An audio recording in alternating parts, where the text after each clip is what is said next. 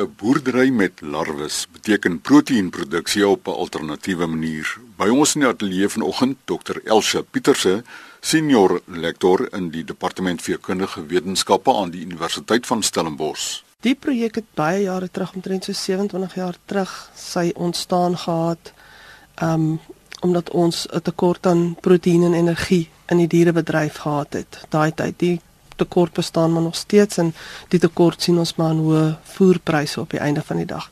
So die doel van die projek was om alternatiewe proteïen te produseer, maar een van die groot dryfvere daar agter was die gebruik van afval omdat jy nie afval direk kan terugvoer aan diere nie, het ons dan gekyk na insekte om hierdie afval af te breek en dan sekondêr 'n voer of 'n proteïenbron te produseer wat vir diere gebruik kan word. Ons het nou in die tussentyd agtergekom dat verskillende spesies geskik is om verskillende afvalstrome te te benut. So is die venstervlieg geskik om kombuisafval te gebruik. Sommige van ons brommer spesies is geskik om abattoir afval te gebruik.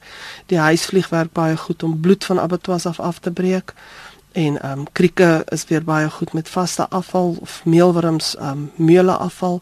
So daar's verskillende insekte wat geskik is om verskillende tipes afval af te breek. Die waarde van hierdie insekte is natuurlik dat behalwe dat hulle nou vir ons proteïen en vet en ehm um, katien produseer op die einde van die dag wat waarde het as voerbronne of as energiebronne of as biomediese produkte het hulle ook die waarde dat hulle um, ons ander produkte wat deel van die van die afval uitmaak baie vinnig afbreek. So die vog, die vloeistof wat in hierdie afval vasgevang is, word baie vinnig vrygestel.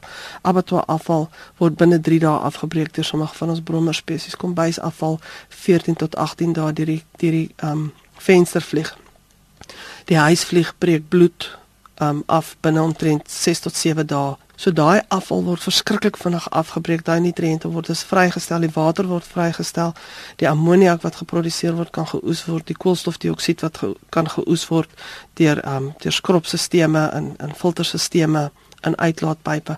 So al daai produkte is baie vinnig weer beskikbaar waar ons normale of ons tradisionele prosesse baie keer tot 8-9 maande kan neem om daai nutriënte vry te stel of daai produkte die vloeistof, die vog en die en die en die koolsuurgas en die ammoniak weer vry te stel en dit nie noodwendig oesbaar is nie. Hierdie prosesse produseer ook glad nie metaangas nie wat baie van ons ander prosesse soos ashoop by die gewone um, grondasoopstelsels baie metaangas produseer wat 'n groot risiko is vir die omgewing en ook 'n risiko is vir vir waterbesoedeling omdat die afloop uit die asoope uit baie keer in ons grondwater en ons oppervlakwater beland wat 'n groot kontaminasieprobleem is. Die projek is een van daai projekte wat pragtig geloop het en gekommersialiseer is.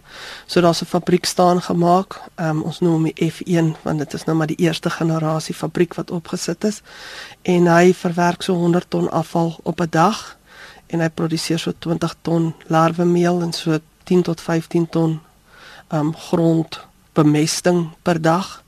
En um ons het nou die dag uitgewerk dat hy ongeveer 3 tot 3.5 miljoen liter water per jaar vrystel uit hierdie afval uit wat andersins in 'n ashoop sou gelê het. En suiwer is daar die, die water. Hy water is natuurlik suiwer want hy's waterdamp. Hy's H2O, daar's niks anders by hom nie. Hy's waterdamp. So mense kan hom of net los dat hy in die atmosfeer ingaan en dan maar die normale watersiklus volg of jy kan hom dan nou oes met 'n met 'n kondenseerder of 'n kondensator en en die en die vog so herwin. Daai water is natuurlik meer as wat die fabriek in 'n jaar gebruik. So hy het 'n netto wins aan water waar ander fabrieke en ander is baie keer netto gebruikers van water. As jy in ag neem dat 'n 100 sog varkproduksie eenheid ongeveer 'n miljoen liter water in 'n jaar nodig het om om aan die gang te bly, dan ehm um, is dit nogal insiggewend om te dink dat 'n mens met 'n proses wat daai afval wat van daai eenheid afkom kan proteïen produseer, jy kan vet produ produseer wat as biodiesel of of veevoer gebruik kan word, plus katien vir biomediese aanwending, plus dan die water wat dan kan teruggaan of wat wat dan terug is in die natuur wat terug is beskikbaar is. So ons kortsluit eintlik die die watersiklus op die einde van die dag en kry die water wat normaalweg so vasgevang gewees het in daai afval kry ons dan vinniger terug in die stelsel sodat ons in daai kunsmatige droogte skep van water wat op allerlei snaakse plekke vasgevang is as gevolg van ons hoë produksie vereistes nie. Ons maar waar kry jy die larwes? Dis 'n bitter eenvoudige stelsel aan die een kant baie kompleks, maar aan die ander kant bitter eenvoudig vir ons boere sal hulle sal dit baie maklik verstaan. Dis 'n dis 'n dis 'n teel eenheid, dis 'n plaas, dis 'n vliegplaas. Ons het teeldiere wat in hokke aangehou word. Hulle lê eiers. Die eiers word versamel, dit gaan in 'n broeiery in, dit broei uit in die broeiery en van die broeiery af gaan hulle in 'n in 'n nursery in en 'n 'n klein larwe eenheid as jy dit so kan noem en dan as hulle so 3, 4 dae oud is plaas ons hulle uit op die afval en dan groei hulle daarso vir 14 dae en dan word hulle geoes. So dis 'n doodgewone plaasstelsel. Net soos wat jy met braaikuikens sal boer of met lenne of wat ook al. Dis presies dieselfde beginsels. Dis net baie klein hoendertjies en baie klein eiertjies en dis maar die die prinsip en die beginsel is presies dieselfde. Dis natuurlik baie gespesialiseer. Elke spesies het maar sy eie behoeftes dis omgewingsbeheerde toestande waarna ons hulle aanhou of die die vlieg moet in omgewingsbeheerde toestande wees of die larwes moet effe beheer wees maar die vlees spesifiek se toestande moet baie streng beheer word om hulle te kry om eiers te lê en dan natuurlik is die oorlewing van die larwes baie belangrik so ons beskerm hulle teen die omgewing so dis binneshuise produksie eenhede maar um, ons produseer op 'n hektaar omtrent 20 tot 50 000 keer soveel proteïen as wat 'n sojaveld kan produseer. Omdat ons dit kan double decker doen, ons kan die goed op mekaar stapel.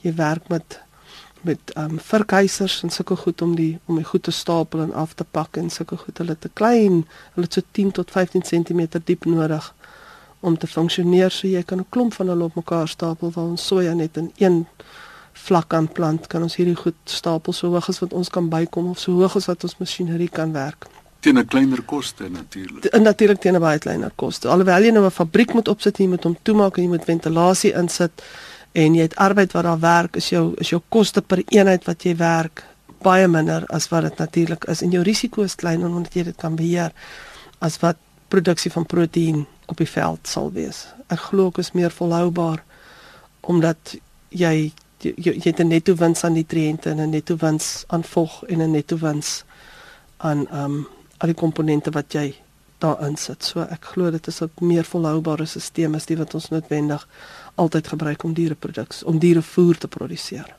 Nou juis in die gelukkige posisie dat oor die afgelope aantal jare is jou hand gesterk deur studente wat belangstel in hierdie studieveld. Dis reg, ja, party studente is mos maar waaghalsig en avonturiers en en dit is daai ouetjies wat op die einde van die dag die projek deurgetrek het. En ons het nou al heel party studente afgestudeer. Ons het byvoorbeeld verlede jaar het ons 8 studente afstudeer met nagraadse studies.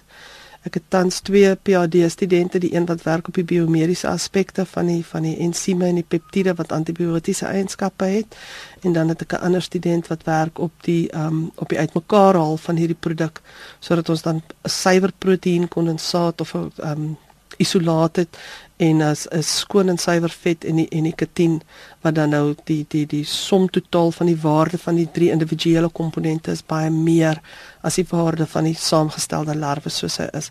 En dan het ek so sewe MSc studente wat tans ook op die projek werk met die evaluering van die verskillende komponente in die produksiesisteme en en sulke goed. Soos 'n baie dinamiese en 'n baie lekker projek om op te werk want dit is een van daai as jy jou dit kan verbeel dan kan jy dit doen. Is julle mikpunt die verskaffing van diere en mens vesel kos? Ons het ons het twee projekte wat loop of twee programme wat loop. Die een is dierevoedsel of dierevoer en die ander een is mensvoedsel. So dis 'n voer en voedselprojek. Die goed wat in dierevoer ingaan is dit wat geproduseer word op afvalprodukte. Dan het ons 'n ander projek wat loop waar ons vir hierdie vir hierdie insekte letterlik voere formuleer soos wat jy voer sal formuleer vir 'n hoender of vir 'n bees of vir 'n wat ook al of vir 'n vark, so formuleer ons dan voere vir hulle so hulle eet mielies en soja en dit wat die ander sal eet en ons maak daai insekte so groot en hulle gaan dan in voedsel in. Hulle effektiwiteit is baie hoër as enige van ons plaasdiere. So en omdat hulle ook minder spasie nodig het, is jou produktiwiteit per eenheid oppervlak en per eenheid inset baie hoër. So daar's 'n klomp spesies wat daar so ons begin nou met 'n projek op krieke en ons het meelworms al gedoen en verskillende um van ons gewone sesbenige insekte en dan natuurlik baie van ons van ons van ons vliegspesies die venstervlieg spesifiek het ons ook deur so 'n proses gesit en hom as 'n soja en vleisvervanger in geprosesede worsies gebruik.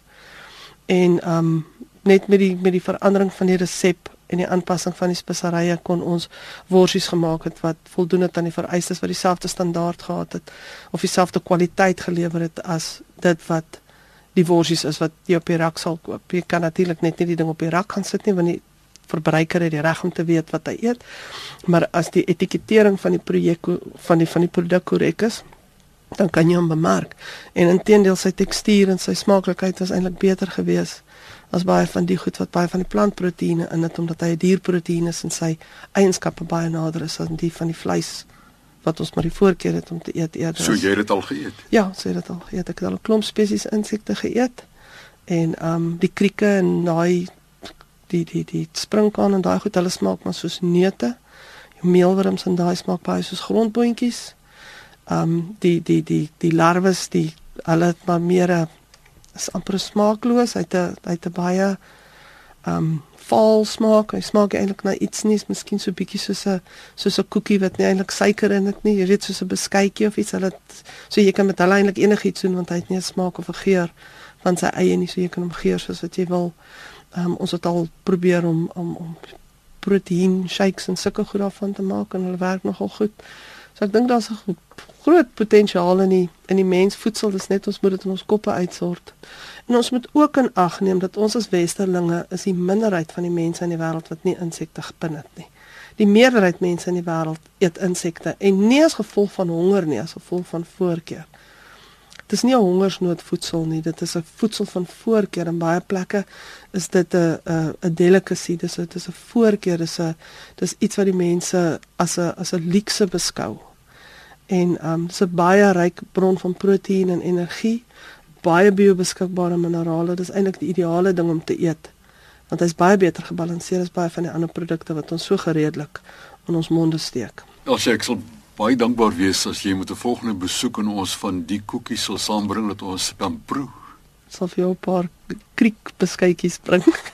En so beloof Dr Else Pieterse, senior lektor vir kundige wetenskappe aan die Universiteit van Stellenbosch. Haar e-posadres elsje.p.e.l.s.j.e.p by sun.ac.za. Telefoonnommer 021 808 4743. Groete.